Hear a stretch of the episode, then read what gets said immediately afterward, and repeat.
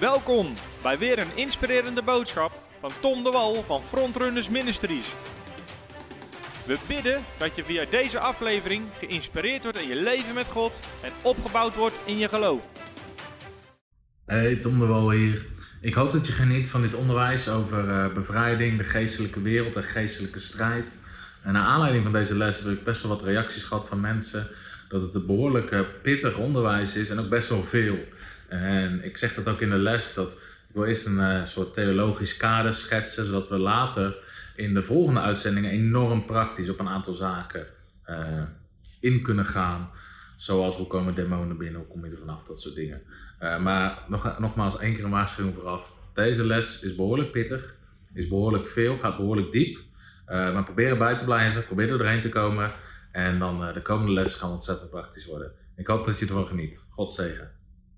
Uh, sommige dingen klinken ook en zijn ook best wel bizar. En een van de eerste dingen, ik heb hier uh, laatst over gesproken op een uh, training voor onze gebedsteams, is een van de eerste dingen die voor veel mensen al nieuw is, dat er drie grote momenten zijn in het boek Genesis van geestelijke rebellie. En als het gaat over rebellie, dan denkt heel veel, denken heel veel mensen alleen maar aan de zondeval. Uit Genesis hoofdstuk 3, waar de slang Eva en Adam misleidt. En dat is waar heel veel mensen aan denken. En dat is een belangrijk moment. Maar heel veel mensen weten niet dat er drie grote momenten zijn waarin heel de Bijbel op wordt teruggepakt van geestelijke rebellie en geestelijke strijd. En laten we eens gaan kijken naar die drie momenten. Nou, de eerste die kennen we allemaal, dus daar wil ik ook niet al te veel aandacht aan geven. Maar um, niet omdat die minder belangrijk is, sterker nog is heel belangrijk en, uh, en ook heel veel Bijbelgedeelten spreken erover. Maar dat is het verhaal van Genesis hoofdstuk 1 tot en met Genesis hoofdstuk 3. Waarin God de mens maakt. Hij zet ze op de aarde in de Hof van Eden. De mens wandelde met God. Wat ik daar wel even over wil zeggen is dat um, de mens wandelde met God. Maar er waren ook andere geestelijke wezens daar. Want op een gegeven moment komt de slang die Eva misleidt. En het feit dat ze daar niet van schrikken, van een sprekend dier, betekent al dat ze gewend zijn aan die geestelijke wezens. Maar het is een van die geestelijke wezens, de Satan, die rebelleert op dat moment tegen God en tegen de mensheid. En die verleidt Adam en Eva om te zondigen. En ze worden uit dat paradijs gezet. En, um, en uiteindelijk, de Bijbel zegt, er werden serafs werden eromheen gezet om het te bewaken. En dan begint het verhaal in Genesis zich te ontvouwen. En als je goed leest, zie je allerlei linken naar geestelijk kwaad. Het verhaal wat daarna komt is Kain en Abel. En natuurlijk de eerste moord in de Bijbel. En dan zegt de Bijbel, uh, dan zegt God, let op, want zonde ligt op de loer. Misschien ken je die tekst wel. En eigenlijk verwijst dat naar de zonde als een geestelijke macht, een geestelijk kwaad, wat letterlijk loert als een dier om mensen te grijpen. En vanaf dat moment gaat het verhaal verder in Genesis. En dan krijg je dit. Genesis hoofdstuk 6, het moment waarbij de zonen van God vrouwen nemen uit de mensenkinderen. En dan zegt de Bijbel, en dat waren de dagen dat de reuzen of geweldenaars en uh, andere vertalingen, die vertalen dat Hebreeuwse woord niet. En dan staat er de Nephilim op aarde kwamen. En daar gaan we vanavond best wel diep op in. En dan Genesis hoofdstuk 11, en dit is het meest bekende verhaal. Uh, of tenminste, ja, het is een heel bekend verhaal. Gewoon het natuurlijke kant. Maar wat heel veel mensen niet beseffen is dat de toren van Babel, dat verhaal, dat het een verhaal is van geestelijke rebellie, waar in heel de Bijbel teruggepakt wordt op dat verhaal. En wat een cruciale rol speelt in je uh, kijk op deze wereld. Nou, Genesis hoofdstuk 1 tot en met 4 heb ik net behandeld. Over, de listige, over de listige dier, de slang, die de mensheid uh, misleidt. Dus daar wil ik verder vanavond niks meer over zeggen. Wat gebeurt daarna? Genesis hoofdstuk 6. En, en nogmaals, dit zijn geen makkelijke dingen om uit te leggen. Het blijven ingewikkelde verhalen. Ik heb ook niet alle antwoorden. Maar ik, heb wel een, ik ben er wel diep ingedoken. Dus ik heb wel een stuk openbaring daarover gekregen. Wat speelde zich daar nou af? En um, dan staat er dit. Laten we eerst het verhaal eens lezen. Genesis hoofdstuk 6, vers 1. En het gebeurde toen de mensen zich op de aardbodem begonnen te vermenigvuldigen en er dochters bij hen geboren werden, dat Gods zonen, en we hebben gezien dat zijn dus de engelen of de hemelse uh, machten, De dochters van de mensen zagen dat zij mooi waren. En zij namen zich vrouwen uit allen die zij uitgekozen hadden. Toen zei de Heere, mijn geest zal niet voor eeuwig met de mens twisten, omdat hij ook vlees is. Maar zijn dagen zullen 120 jaar zijn. In die dagen en ook daarna waren de reuzen, de Nephilim op de aarde. Toen Gods zonen bij de dochters van de mensen waren gekomen en die kinderen voor hem baarden. Dit zijn de geweldenaars, de Hebreeuws tekst zegt de Giborim van oude tijden af, de mannen van naam. En de Heere zag de slechtheid van de mens, dat hij op de aarde groot was. En al de gedachtenspinsels van zijn hart waren elke dag alleen maar slecht. En toen kreeg de Heere er berouw van dat hij de mens gemaakt had. Dan gaan we nog even verder om even aan te tonen hoe groot de impact hiervan was. Want dan zegt de Bijbel: De aarde was verdorven voor Gods aangezicht en was vol met geweld. Toen zag, de, toen zag God de aarde en zie, ze was verdorven, want alle vlees had een bedorven levenswandel. Daarom zei God tegen Noach, het einde van alle vlees is voor mijn aangezicht gekomen. Want de aarde is door hen vervuld met geweld. Zie, ik ga hen met de aarde te gronden richten, maar maak voor uzelf een ark. Nou, ik, ik had het in het eerste gedeelte al gevraagd, maar dit is een gedeelte waarvan iedereen uh, wel eens die het gelezen heeft of van gehoord heeft, die hier vragen over heeft. Van hoe kan dit nou en wat is dit nou voor een bizar verhaal? En het is ook een bizar verhaal, maar een van de eerste dingen die we gewoon moeten aannemen is, het is een waar verhaal, want het staat in het woord van God. Dus het is gebeurd zoals het er staat.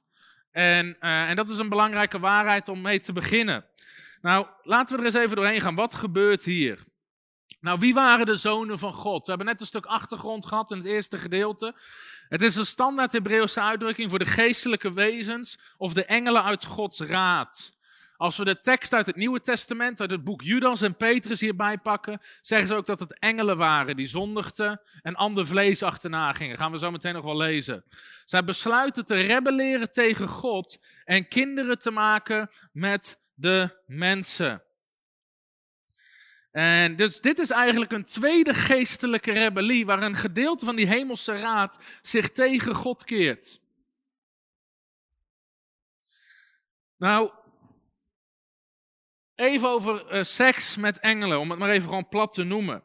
Want in ons, in ons denken denk ik weer, maar hoe kan dat nou? Hoe is dat nou mogelijk? Dat kan toch niet? Nou, blijkbaar kan het wel, want de Bijbel spreekt erover dat het gebeurde. Blijkbaar konden deze engelen, geestelijke wezens, gemeenschap hebben met de vrouwen. En dit zet eigenlijk een rijtje van drie opmerkelijke verhalen uh, in Genesis. En ik heb ze hier even naast elkaar gezet. Maar je ziet de link tussen de zondeval in Genesis hoofdstuk 2 en dit verhaal in Genesis hoofdstuk 6. In Genesis hoofdstuk 2 staat dit. Uh, de, over de slang en de vrouw. En dan heb je het gedeelte over de zonen van God. Genesis 2, vers 24. Daar zegt God: De man en de vrouw zullen bij elkaar zijn en ze zullen één vlees zijn. En dan staat er: En de vrouw zag dat de boom goed was. En dan nam zij van die vrucht. Ik heb het even geasseerd. En in Genesis 6 gebeurt dat eigenlijk hetzelfde. In omgekeerde volgorde van die engelen naar de mensen toe. Die engelen zien de mensen en ze zien dat het eigenlijk goed is. In het Hebreeuwse woord staat daar hetzelfde. Ze zagen dat ze mooi waren. En zij namen van, voor zichzelf die mensen als vrouw. Zoals in Genesis Eva de vrucht nam voor zichzelf. Omdat zij zag dat het goed was, dat het mooi was. In, het, in de grondtekst hetzelfde woord. En dan zegt God, mijn geest zal niet voor eeuwig met de mens twisten, omdat hij ook vlees is. En dan in Genesis staat er nog een bizar verhaal. We kennen allemaal het verhaal van Sodom en Gomorra. En wat gebeurde daar in Sodom en Gomorra? Op een gegeven moment lezen we in Genesis hoofdstuk 19 van die engelen die naar Lot gaan. En dan willen de mensen van de stad Sodom en Gomorra uh, willen seks hebben met die engelen die daar op bezoek zijn. Heb je dat verhaal wel eens gelezen? Dus ook daar zie je een verhaal over, over mensen die seks willen met engelen. En uiteindelijk Lot biedt zijn dochters aan. En de parallel met Genesis 6, de zonen van God bezoeken menselijke dochters. De mannen van Sodom willen seks hebben met de engelen die hun stad bezoeken. De zonen hebben seks met de vrouwen. Uiteindelijk biedt Lot zijn dochters aan. God redt Noach en zijn zonen. De engelen redden Lot en zijn dochters. En het land wordt gereinigd door de vloed, maar bij Sodom wordt, wordt de stad wordt verwoest. Oké, even terug naar Genesis 6. Maar hier om even een aantal verhalen in Genesis naast elkaar te zetten. Dat je alvast het grotere plaatje ziet. Ehm, terug naar Genesis hoofdstuk 6. Ehm, de referentie van 120 jaar. Op een gegeven moment zegt God, 120 jaar lang, uh, zegt God, de mens zal niet eeuwig twisten, zijn levensdagen zullen 120 jaar zijn. Sommige mensen hebben daaruit geconcludeerd, oh God wil dat we 120 worden. Waarvan ik het helemaal prima vind als je daar je geloof op inzet en ik gun het je van harte. Maar ik geloof niet dat het daarover gaat. Het is een aftelling naar de zondvloed. Het is een aftelling naar het oordeel van God, dat God komt met vernietiging. God zegt vanaf dit moment zijn er nog 120 jaar en dan komt de zondvloed, dan komt het oordeel van God. Omdat we na de zondvloed lezen dat mensen ouder worden dan 120. Dus we lezen daarna dat mensen nog ouder worden dan 120. Ehm, dus het is zeer waarschijnlijk een, uh, verwijzing naar de zondvloed. Wat ik geloof dat die engelen daar wilden doen, is zij wilden eeuwig leven creëren. Ze wilden de Hof van Eden symboliseren, waar God de mens eeuwig leven wilde geven. En dan was die boom, was daar, de boom des levens. En uiteindelijk werd de mens uit die hof verbannen. Maar wat die engelen probeerden, is zij probeerden hun goddelijke ras te mixen met een menselijk ras om eeuwig leven te creëren. En dan zegt God, mijn, mijn geest zal niet voor eeuwig met de mens twisten. En God kondigt aan dat hij met oordeel gaat komen. En wat er dan ontstaat, zegt de Bijbel, er ontstaan reuzen, Nephilim op de aarde. Dus, nogmaals, ik weet ook dat dit bizar is, maar de, de kinderen van die engelen met die mensen zijn reuzen. En die worden ook wel Nephilim genoemd, of geweldenaren. En dan zegt Genesis 6, vers 4, in die dagen en ook daarna, ook daarna, waren er reuzen op aarde. Toen Gods zonen bij de dochters van de mensen waren gekomen en die kinderen voor hem baarden. Dit zijn de geweldenaars van oude tijden af, de mannen van naam. Oké, even over die reuzen, over die Nephilim. Wie waren zij? En uh, reuzen wordt in de HSV wordt het vertaald als reuzen. Andere vertalingen, misschien je eigen vertaling vertaalt het niet en houdt het als Nephilim. En je ziet die term en termen die daar te maken hebben ook verschijnen op andere plekken in de Bijbel. Genesis 6, vers 4 zegt, en ook daarna waren zij nog op aarde. En een van de plekken waar je het ziet, is dus als ze het beloofde land in gaan nemen. Misschien moet je meteen denken aan wie was de vijand van David? Goliath. Het was een gigantische reus. Het was een afstammeling van die Nephilim, van die, van die kinderen die geboren waren uit die onreinheid. Nummer 13, vers 32. En ze lieten een kwaad gerucht uitgaan bij de Israëlieten over het land dat zij verkend hadden. Gaat over de twaalf verspieders. Door te zeggen, het land waar wij doorgetrokken zijn om het te verkennen, is een land dat zijn inwoners verslindt. En heel het volk dat in het midden daarvan gezien hebben, bestaat uit mannen van grote lengte. Wij hebben er ook reuzen of nephilim gezien. Dus ze komen terug met, we hebben die, eigenlijk die verschrikkelijke wezens die daar gecreëerd zijn, hebben we daar weer gezien. Nakomelingen van Enak, afkomstig van de reuzen, van de Nephilim. Wij waren in onze eigen ogen als sprinkhanen. En uiteindelijk is het verhaal natuurlijk, je kent het verhaal, ze geloven dat verslag en het intimideert ze. En door hun ongeloof komen ze niet het beloofde land binnen. Omdat ze dus geïntimideerd ge, worden door, die, uh, door dat nageslacht uh, van, van, dat, van die engelen en die mensen. Die reuzen en die Nephilim. Wat geboren werd uit die samengang van die mensen en die engelen, uh, was een mix van mensen en goden, wat onrein of demonisch was. Het resulteerde in vijandige, gewelddadige, rebelse strijders en koningen die kwaad verspreidden over de aarde en rebelleerden tegen God. Deze spelen tot en met de tijd van David een grote rol als vijanden van Gods volk.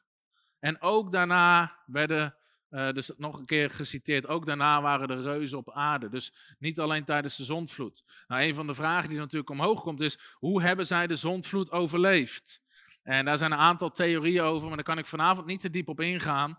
Um, en het is eigenlijk ook minder belangrijk, want de Bijbel is er gewoon duidelijk over. Ze waren er daarna ook. Um, en, en, we lezen tal van verhalen waar ze daarna weer zichtbaar zijn. Dus, dus dat is iets wat we sowieso duidelijk zien. Uh, ze worden ook uh, dit hele ras vervulde de aarde. Nou, dit hebben we net gelezen. Uh, dit is van uh, Noach. even de teksten uit Petrus en als Judas. Wat zeggen zij hierover? 2 Petrus 2, vers 4. en Judas. Judas en Petrus refereren allebei terug naar dit verhaal uit het Oude Testament. En dan zeggen ze dit. Want als God de engelen die gezondigd hebben niet gespaard heeft. Dus die engelen die naar beneden kwamen en kinderen maakten met de mensen, God heeft ze geoordeeld. God heeft ze niet gespaard, maar heeft hen in de hel geworpen en overgegeven aan de ketenen van de duisternis. Om tot het oordeel bewaard te worden. En als God de oude wereld niet gespaard heeft, maar het achttal van Noach, de prediker van de gerechtigheid, bewaard heeft, toen hij de zondvloed over de wereld van de goddelozen bracht, en God de steden Sodom en Gomorra tot as verbrandt, en tot een vernietiging veroordeeld heeft, en tot een voorbeeld gesteld heeft voor hen die goddeloos zouden leven. En als God de rechtvaardige lot, die leed onder de losbandige levenswandel van normloze mensen, verlost heeft. Nou, je ziet een aantal dingen, maar onder andere dat God heeft die engelen geoordeeld, en weer die referentie naar Lot, waar mensen seks wilden met engelen. En uh, Sodom en Gomorra die vernietigd werd. Dat is wat, Judas of wat Petrus erover zegt. Judas zegt dit. En de engelen die hun oorspronkelijke staat niet bewaard hebben. Dus ze bleven niet bij hoe God ze oorspronkelijk bedoeld had. Maar hun eigen woonplaats, de hemel, verlaten hebben. Heeft hij voor het oordeel van de grote dag met eeuwige boeien in de duisternis in verzekerde bewaring gesteld. Evenzo is het met Sodom en Gomorra. Zie je, weer die link naar Sodom en Gomorra, seks met engelen. En de steden eromheen, die op dezelfde wijze als zij hoererij bedreven hebben en achter ander vlees aangegaan zijn. Zij liggen daar als een waarschuwend voorbeeld, doordat zij de straf van de eeuwige vuur ondergaan. Nou, wat een tekst hè. En dit zijn, dit, daarom zeg ik, het zijn niet de meest makkelijke teksten. Maar het leert ons wel iets over hoe God naar die situatie kijkt. En dan zie je dus dat de Nephilim, die reuzen, die blijven voorkomen als vijanden van Israël. Dit is de tekst uit het, uh, die we net hebben gelezen. En als je het gaat bestuderen, worden ze ook genoemd de Nephilim, de Enakieten, de Refaim, de Refaïten, uh, Refa. Dat soort verwijzingen uit verschillende teksten die je allemaal kan zien in je handout, verwijzen nog steeds naar die reuzen. En dan komt er iets interessants, waar ik nu niet al te diep op in wil gaan, maar de volgende keer misschien wel bij de oorsprong van demonen. Is dat die term Nephilim en die Refaïten, die worden ook, uh, wordt ook aangehaald uh, als het gaat over een groep van die Refaïten die verblijft eigenlijk in het geest of in het dodenrijk. En om even alvast een hele grote stap vooruit te doen, er zijn verschillende theorieën over waar komen demonen vandaan. Maar één, in ieder geval een van de best bijbels onderbouwde theorieën, en dan ga ik een hele grote stap vooruit, dus ik heb nu niet de tijd om daar diep op in te gaan, maar is dat die kinderen, die Nephilim die ontstonden, die uiteindelijk gestorven zijn, dat omdat zij half goddelijk waren, dat die geesten zijn doorgeleefd en dat dat demonen zijn. En ik weet dat dat klinkt best wel bizar, omdat wat meestal gepredikt wordt, is demonen zijn gevallen engelen. Dat is toch wat het meest hebben gehoord. En uh, ik geloof niet dat dat zo is. En ik, ik, geloof ook, dit zijn geen onderwerpen waar je, over, waar je heftige discussies over hoeft te hebben. Uh, maar er zijn wel heel wat aanwijzingen waarom het aannemelijk is dat demonen geen gevallen engelen zijn. Om even dan alvast weer een stap vooruit te maken, want anders graaf ik mezelf in zo'n diepe kuil dat ik er niet meer uitkom. Uh, maar we zien nergens dat engelen ernaar verlangen om in het lichaam van een mens te wonen. Dat zie je nergens. Maar demonen willen niks liever als wonen in een lichaam. Nog liever in de varkens, zien we bij Jezus, dan niet in een lichaam. Um, als het engelen zijn, zouden ze op kunnen gaan in de geestelijke wereld. Maar demonen lijken aan de aarde gebonden te zijn. Want Jezus leert ons in Matthäus 12, als een demon wordt uitgedreven, gaat hij door dorre plaatsen op zoek naar een nieuw huis. En allerlei omschrijvingen die gaan over demonen komen totaal niet overeen met omschrijvingen van engelen of gevallen engelen. Het lijkt echt een totaal ander soort geestelijk wezen te zijn. Um, maar goed, dat is even een aantal stappen vooruit, maar wel goed om in gedachten te houden. Dus dit is de rebellie van de, uh, uit Genesis hoofdstuk 6. En die rebellie in Genesis hoofdstuk 6, um, ehm, even kijken in mijn aantekeningen. Uh, die leidt uiteindelijk naar nog een derde geestelijke rebellie. En dat is de rebellie die we lezen in Genesis hoofdstuk 10 en Genesis hoofdstuk 11. En nogmaals, dit zijn echt wel diepe Bijbelstudies. De meeste van jullie zijn helemaal stil geworden. Ik hoop dat je terugkomt volgende week. En sowieso is het goed om even te zeggen, we gaan echt heel praktisch in op het onderwerp demonie en bevrijding. Maar het is heel lastig om daarover te spreken zonder dit bredere kader te schetsen. Dus wie vindt het al wel leerzaam tot nu toe? Ja, oké, goed zo. De derde geestelijke rebellie. En ik, had dit, ik heb dit eigenlijk heel lang nooit zo gelezen. Maar dit zegt de Bijbel in Genesis hoofdstuk 10. Na de zondvloed noemt het het geslachtsregister op. Na Noach. En dan staat er, dit zijn de afstammelingen, de zonen van Noach. Sem, Gam en Jafet. Bij hen werden na de vloed zonen geboren. Dan sla ik even een paar versen over, want er worden allemaal namen opgenoemd. Maar dan staat er dit. De zonen van Gam zijn Cush, Misraim, Put en Canaan. De zonen van Cush zijn Seba, en dan noemt hij weer een aantal op. En dan staat er in vers 8, en Cush verwekte Nimrod. En hij begon een geweldenaar op de aarde te worden. Dat woord geweldenaar is datzelfde woord wat in Genesis 6 spreekt over die geweldenaars, over die giborim, over die gemixte wezens. Hij begon weer een geweldenaar op de aarde te worden. En het begin, dan gaan we even verder, en die begint dan koninkrijken te bouwen. Dus het is geen, het, het is, het is al, een, je ziet al dat daar iets bijzonders gaande is. En het, zijn koninkrijk bestond uit. En wat wordt er dan als eerste genoemd? Babel. En Erech, Akkad en Kalm in het land van Siniar. Even heel veel versen vooruit, en hier ga ik straks op terugkomen, vers 25. Bij Heber werden twee zonen geboren. De naam van de ene was Peleg, wat betekent verdeeldheid. Omdat in zijn dagen de aarde verdeeld is. En dan verwijst het al door naar de val van de toren van Babel. Oké, ehm, even kijken. Gaan we Genesis hoofdstuk, die komt denk ik zo meteen.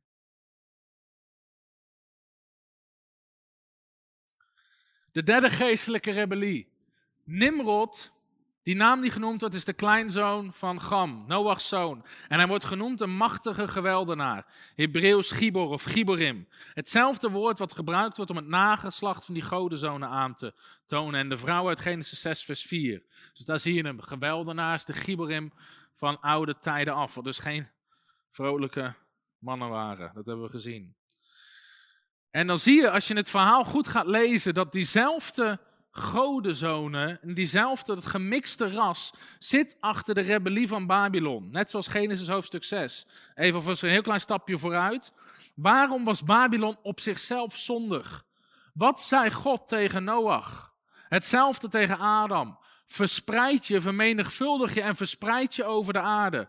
Wat was het doel wat ze deden met Babel? Ze waren rechtstreeks ongehoorzaam, uit het uh, ongehoorzaam aan God, want ze wilden allemaal op één plek blijven en zelf een stad bouwen, een toren bouwen die hoger was dan in de hemel. Ze wilden zich verheffen boven God. Ze gingen rechtstreeks in tegen wat God zei, namelijk verspreid je, gingen ze allemaal bij elkaar zitten. Laten we eens lezen, Genesis hoofdstuk 11, het verhaal van de toren van Babel. Heel de aarde had één taal en een en uh, eendere woorden. En het gebeurde toen ze naar het oosten trokken, dat zij een vlakte in het land van Sinia vonden. Daar gingen zij wonen. En ze zeiden allemaal tegen elkaar, kom laten wij kleiblokken maken die goed bakken. En de kleiblokken dienden tot steen en asfalt diende tot leem. En zij zeiden, kom laten wij voor ons een stad bouwen. En een toren waarvan de top in de hemel reikt. En laten we voor ons een naam maken. Dat is heel interessant, want later zegt God tegen Abraham, ik zal je naam groot maken. Hè? Dat zegt God tegen Abraham. Maar deze mensen zeggen, wij maken onze eigen naam wel groot. Anders worden wij over heel de aarde verspreid. Zie je? Ze deden bewust rechtstreeks in tegen de opdracht van God, verspreid je over de aarde. Toen daalde de Heere neer om de stad en de toren te zien die de mensenkinderen aan het bouwen waren. En de Heere zei, zie, zij vormen één volk en hebben allemaal één taal. Dit is het begin van wat zij gaan doen. Nu zal niets wat zij zich voornemens doen onmogelijk zijn. Hier zie je de hemelse raad. Kom, laten wij neerdalen. Zie je dat? En laten wij hun taal verwarren.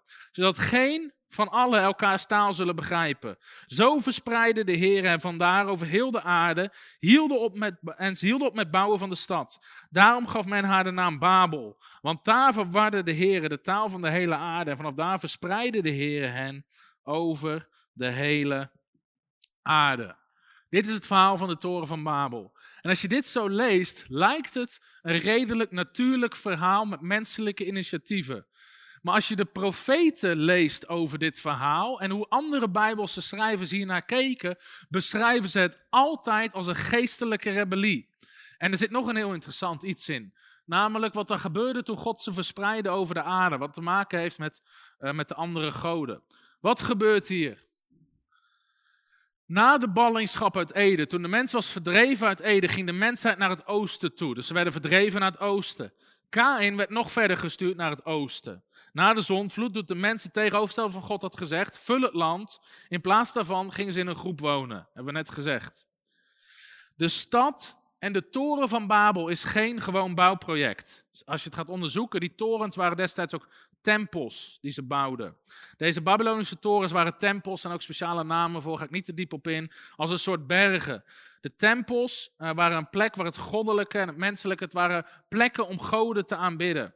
Dit verhaal geeft Babylon meer als een menselijke poging om terug te draaien naar de ballingschap uit Ede. Babylon is anti-Ede, waar mensen proberen op te klimmen naar de hemel en naar Gods wijsheid en autoriteit.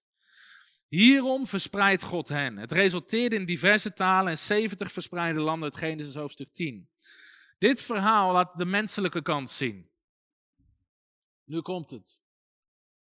Andere Bijbelse auteurs zien dit als een geestelijk iets. Dus als Mozes en Jezaja terugrefereren naar Babel. We kennen allemaal de profetie uit Jezaja 13 en 14, wat heel veel mensen toepassen ook op de val van Satan. De koning van Babel. Dan kom je erachter als je die profetieën leest, dat het een geestelijk ding was wat er gaande was. We gaan het zo meteen nog wel lezen. En als Jezaja de koning van Babylon omschrijft, gebruikt hij poëzie om zijn arrogantie te omschrijven. Nou, dit is, dat, dit is die profetie en vanwege de tijd wil ik het niet te diep lezen. Ehm, maar hier lees je erover, over het spotlied over de koning van Babel. En dan lees je dat er eigenlijk achter wat daar gebeurde een enorme geestelijke macht zat van Satan die besloot om zich te verheffen.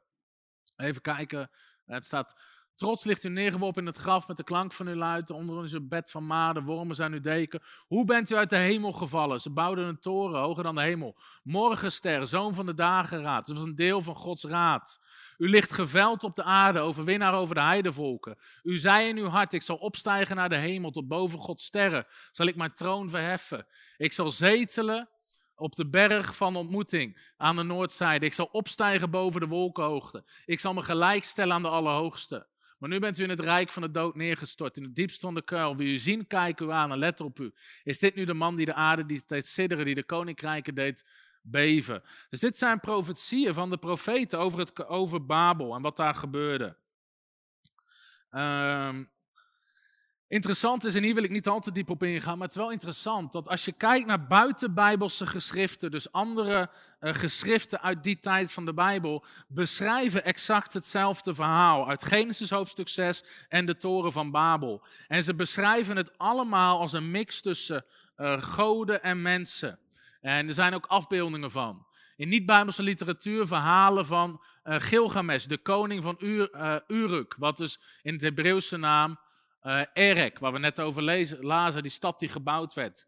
En als je kijkt naar afbeeldingen, hoe die, uh, hoe die koningen afgebeeld werden van die steden, worden ze allemaal afgebeeld zoals de Bijbel ze omschreven, als, als enorm grote mensen. Dus hier zie je een van die uh, afbeeldingen waarin hij dus een, gewoon een leeuw vasthoudt. Dus als een van de reuzen, als een van de Nephilim. hier wil ik niet te diep op ingaan, maar die verhalen komen echt overeen met de Bijbelse verhalen. Uh, hier lees je dat ook, dus in, als je gaat zoeken op uh, Gilgamesh, de koning van Uruk, kom je allerlei verhalen en afbeeldingen tegen, wat letterlijk is wat de Bijbel beschrijft over uh, Babel en Erech. Nou, even, uh, wat is Gods reactie op deze, op deze rebellie? Dus je ziet, er zit een geestelijke rebellie achter. Zometeen gaan we het nog meer zien. Eén van die reacties is heel bekend voor ons, namelijk God verspreidt ze over de aarde, toch? Dat kennen we allemaal, want dat staat letterlijk in dat verhaal. Maar als Mozes en andere schrijvers op dit verhaal terugkijken, zeggen ze iets heel interessants. En zometeen, eh, eh, hou nog even vol, zometeen gaan allerlei verhalen in de Bijbel in één keer een hele andere wending krijgen in je hoofd. Ten eerste, God verspreidt ze alsnog over de aarde, dat is bekend. Maar dan zegt Mozes dit, als God die volken verspreidt, geeft hij ze over aan de andere goden om hun te dienen. God keert zich af van de mens die rebelleert. En Mozes zegt, dat is het moment dat God hen overleverde aan die andere goden. God bemoeit zich vanaf dat moment niet meer met die mensen. Die denkt, als zij die demonische goden willen aanbidden, laat ze gaan. God heeft een ander plan. Want dit is Genesis hoofdstuk 11. We gaan even die teksten lezen. Deuteronomium 4, vers 16 tot 20. Wees ervoor op uw hoede dat u uw ogen niet opslaat naar de hemel, naar de zon, de maan, de sterren en heel het leger aan de hemel. Komt bekend voor, hè? Dat zijn die goden waarnaar verwezen wordt. Heel goed. En u laat verleiden om voor hen neer te buigen en te dienen. Want de Heere uw God heeft hen aan al de volken onder de hemel toebedeeld. Dus Mozes waarschuwt het volk van God om niet achter de heidevolken aan te gaan, die die andere goden aanbidden, wat symbool wordt gezet door de maan, de ster en dat soort dingen. Want God heeft hen aan de andere volken toebedeeld. Maar God heeft u uit de ijzerover uit Egypte geleid. En dit is dan een interessante tekst. Waar Mozes letterlijk zegt wanneer dit gebeurde. Denk aan de dagen van vroegere tijd, aan de jaren van generatie op generatie. Vraag het uw vader, hij zal het u vertellen. Vraag het uw oudste, zij zullen het u zeggen.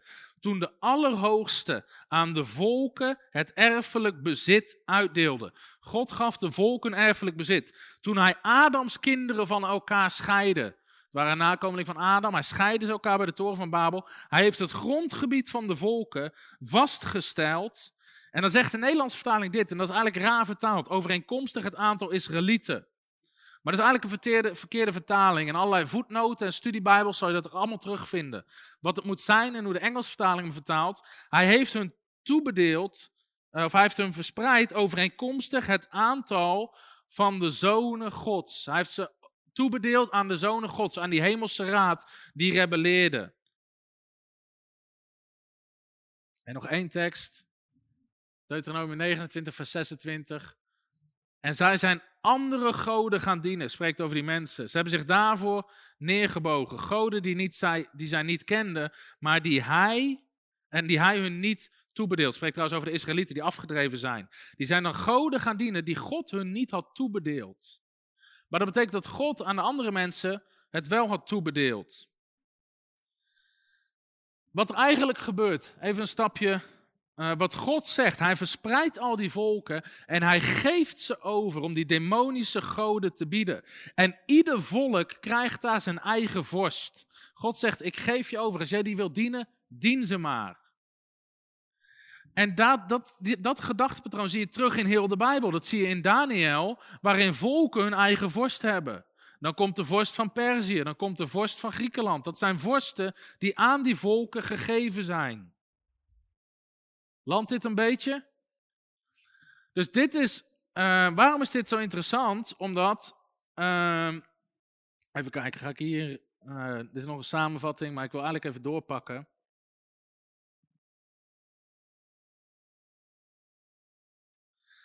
Waarom is dit zo interessant?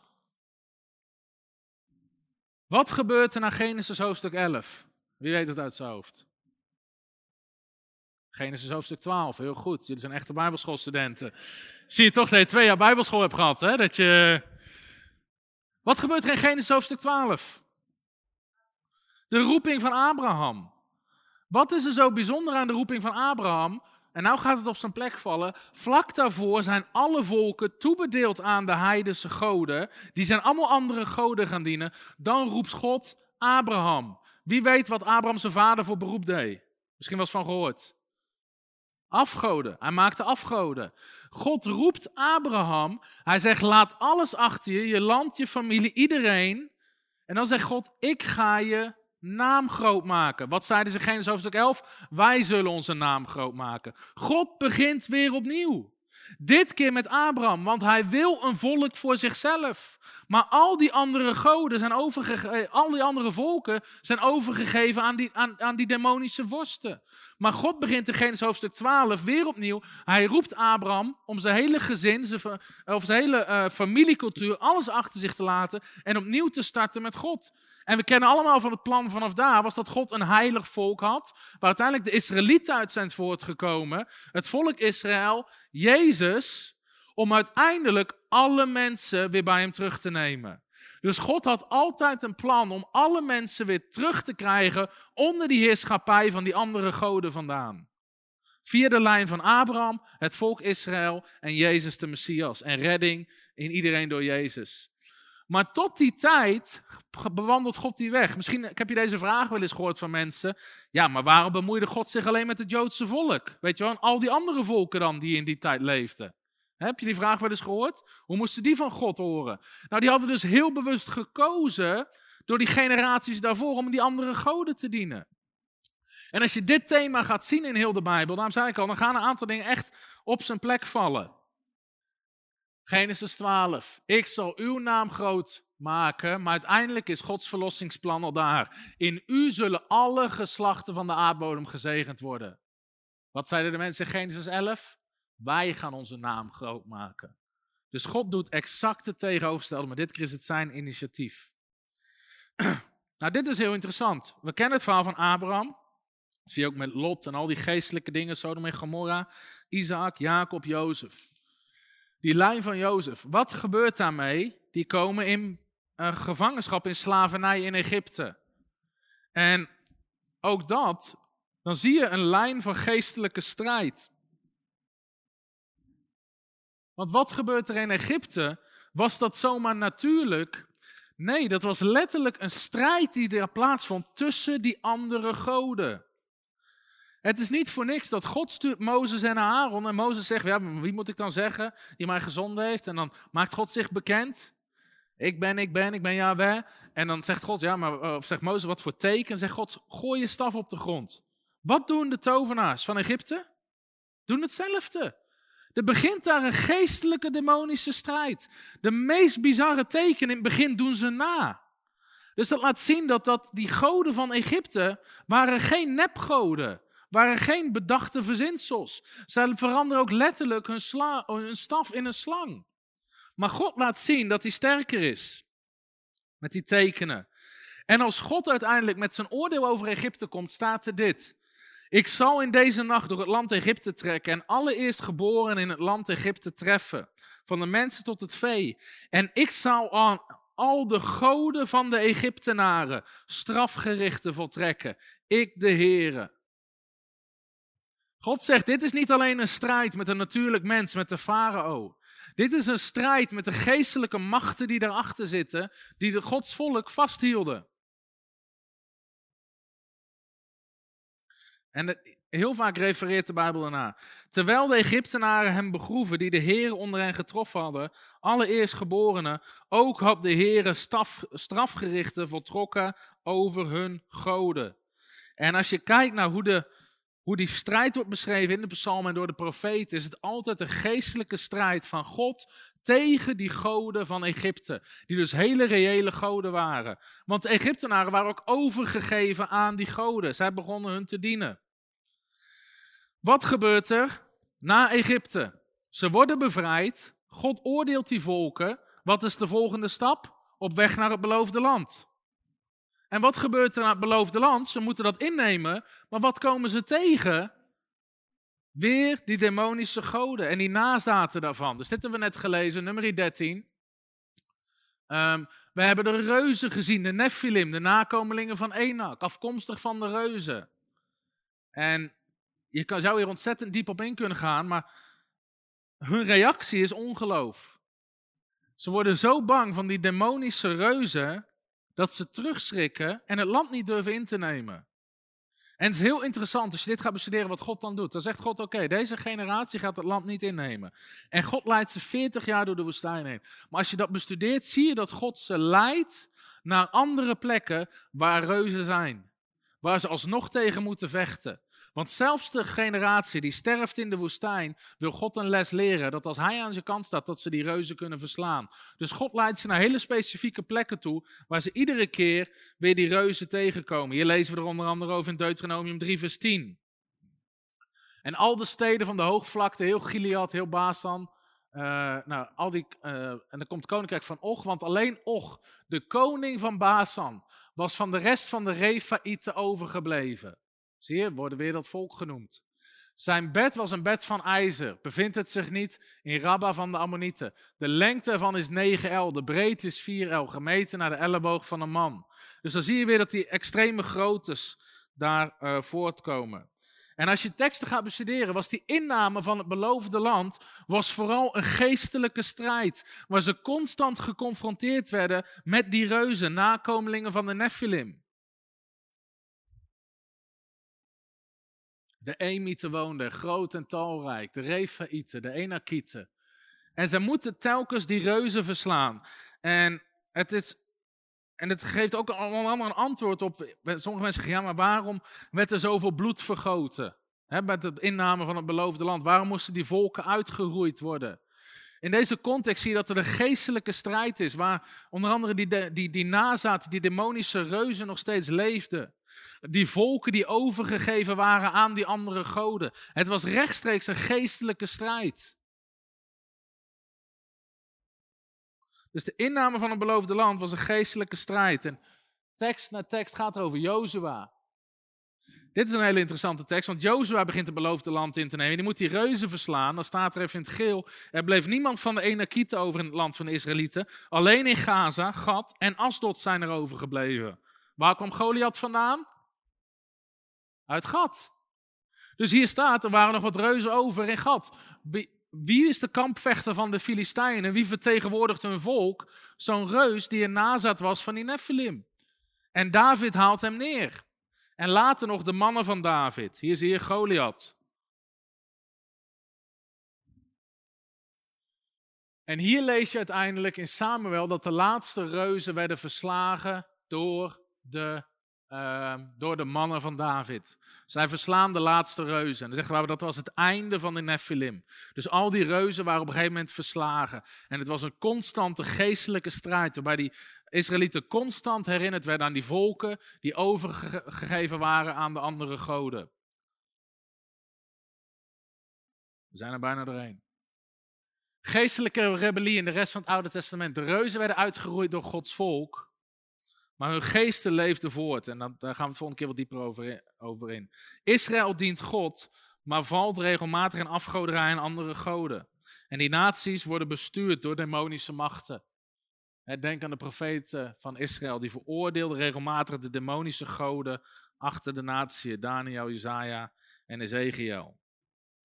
Dus je ziet nu dat even, wie heeft er even een andere perspectief gekregen op het Oude Testament en de inname van het beloofde land. Beloofde land.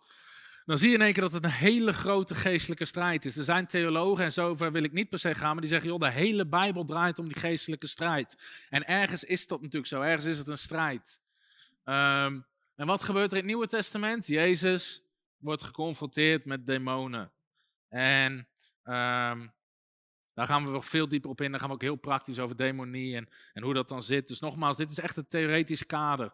Wat je gewoon, ik vind, dit moet je een keer gehoord hebben. Je moet dit beeld een keer geschetst hebben om te weten waar we over praten. Dus ik snap dat het niet het meest exciting onderwijs is, maar het is wel even mindblowing, toch? Of niet?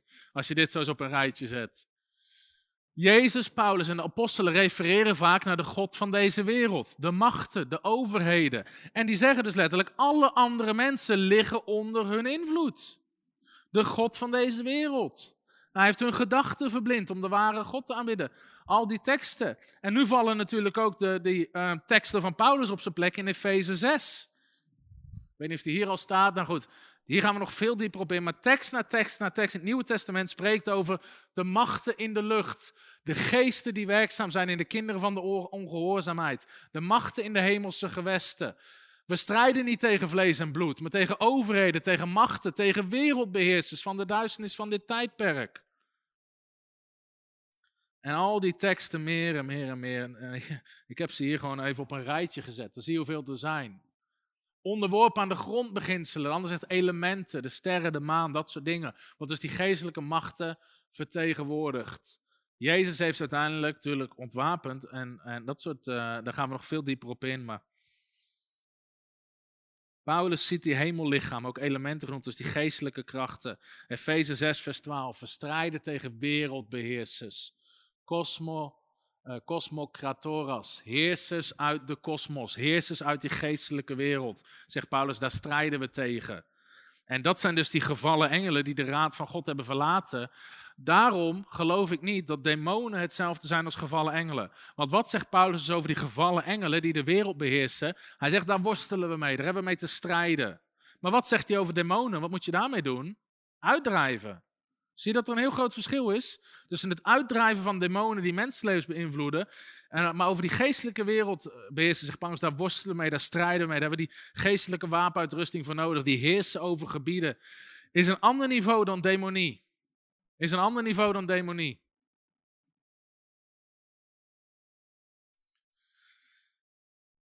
En Jezus natuurlijk die demonen uitdrijft. Maar goed, uh, nog even één tekst in, uh, in dit, deze context.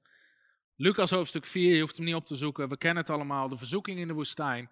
Wat zegt dan de duivel tegen Jezus over al die koninkrijken? Ze zijn aan mij overgegeven. Ze zijn aan mij overgegeven. Ik vind dat heel interessant. Er zijn natuurlijk mensen die zeggen, ja, maar dat gebeurde toen Adam zondigde. Misschien refereert het wel naar het moment waar Mozes naar verwijst. Dat God gaf hen over om die goden te dienen. En God besloot met mijn eigen volk ga ik het wel terugwinnen. Maar de duivel zegt letterlijk, het is aan mij overgegeven. Het is aan mij overgegeven. Dus je ziet dat hele thema van geestelijke strijd terugkomen. Oké, ik heb van alles gedeeld. Hele ingewikkelde dingen, hele moeilijke dingen. Sommige mensen zijn een beetje shocked. Ik hoop dat ik kan slapen vannacht. Gaat dat lukken? Wie heeft er ook een hele hoop vragen bij gekregen? Ja, zie je wel. Uh, ik wist dat dat ging gebeuren. Uh, maar wie, wie, is heel blij dat hij dit gehoord heeft? Oké, ik ben blij dat in ieder geval een stuk, weer een stuk van de Bijbel opent. Even weer terug naar het begin. Nogmaals, moeilijke theologie, makkelijke opdracht. Drijf demonen uit. Drijf demonen uit. Dus nogmaals, de andere les gaan we er echt heel concreet op in en vooral heel praktisch.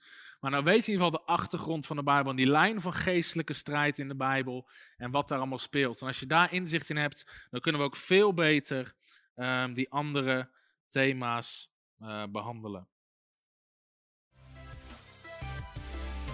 Hallo, Tom de Wol hier en bedankt dat je weer geluisterd hebt naar onze podcast. Ik bid dat het je geloof gebouwd heeft en je bemoedigd bent. Als je niet alleen een luisteraar van onze boodschap wil zijn, maar ook een verspreider daarvan, wil ik je uitnodigen om partner te worden van Frontrunners. Door jouw maandelijkse donatie help je ons om dit evangelie van Jezus Christus en het woord van God over heel de aarde te brengen. Om partner te worden ga naar www.frontrunnersministries.nl slash partners en word partner. Hartelijk bedankt en tot snel.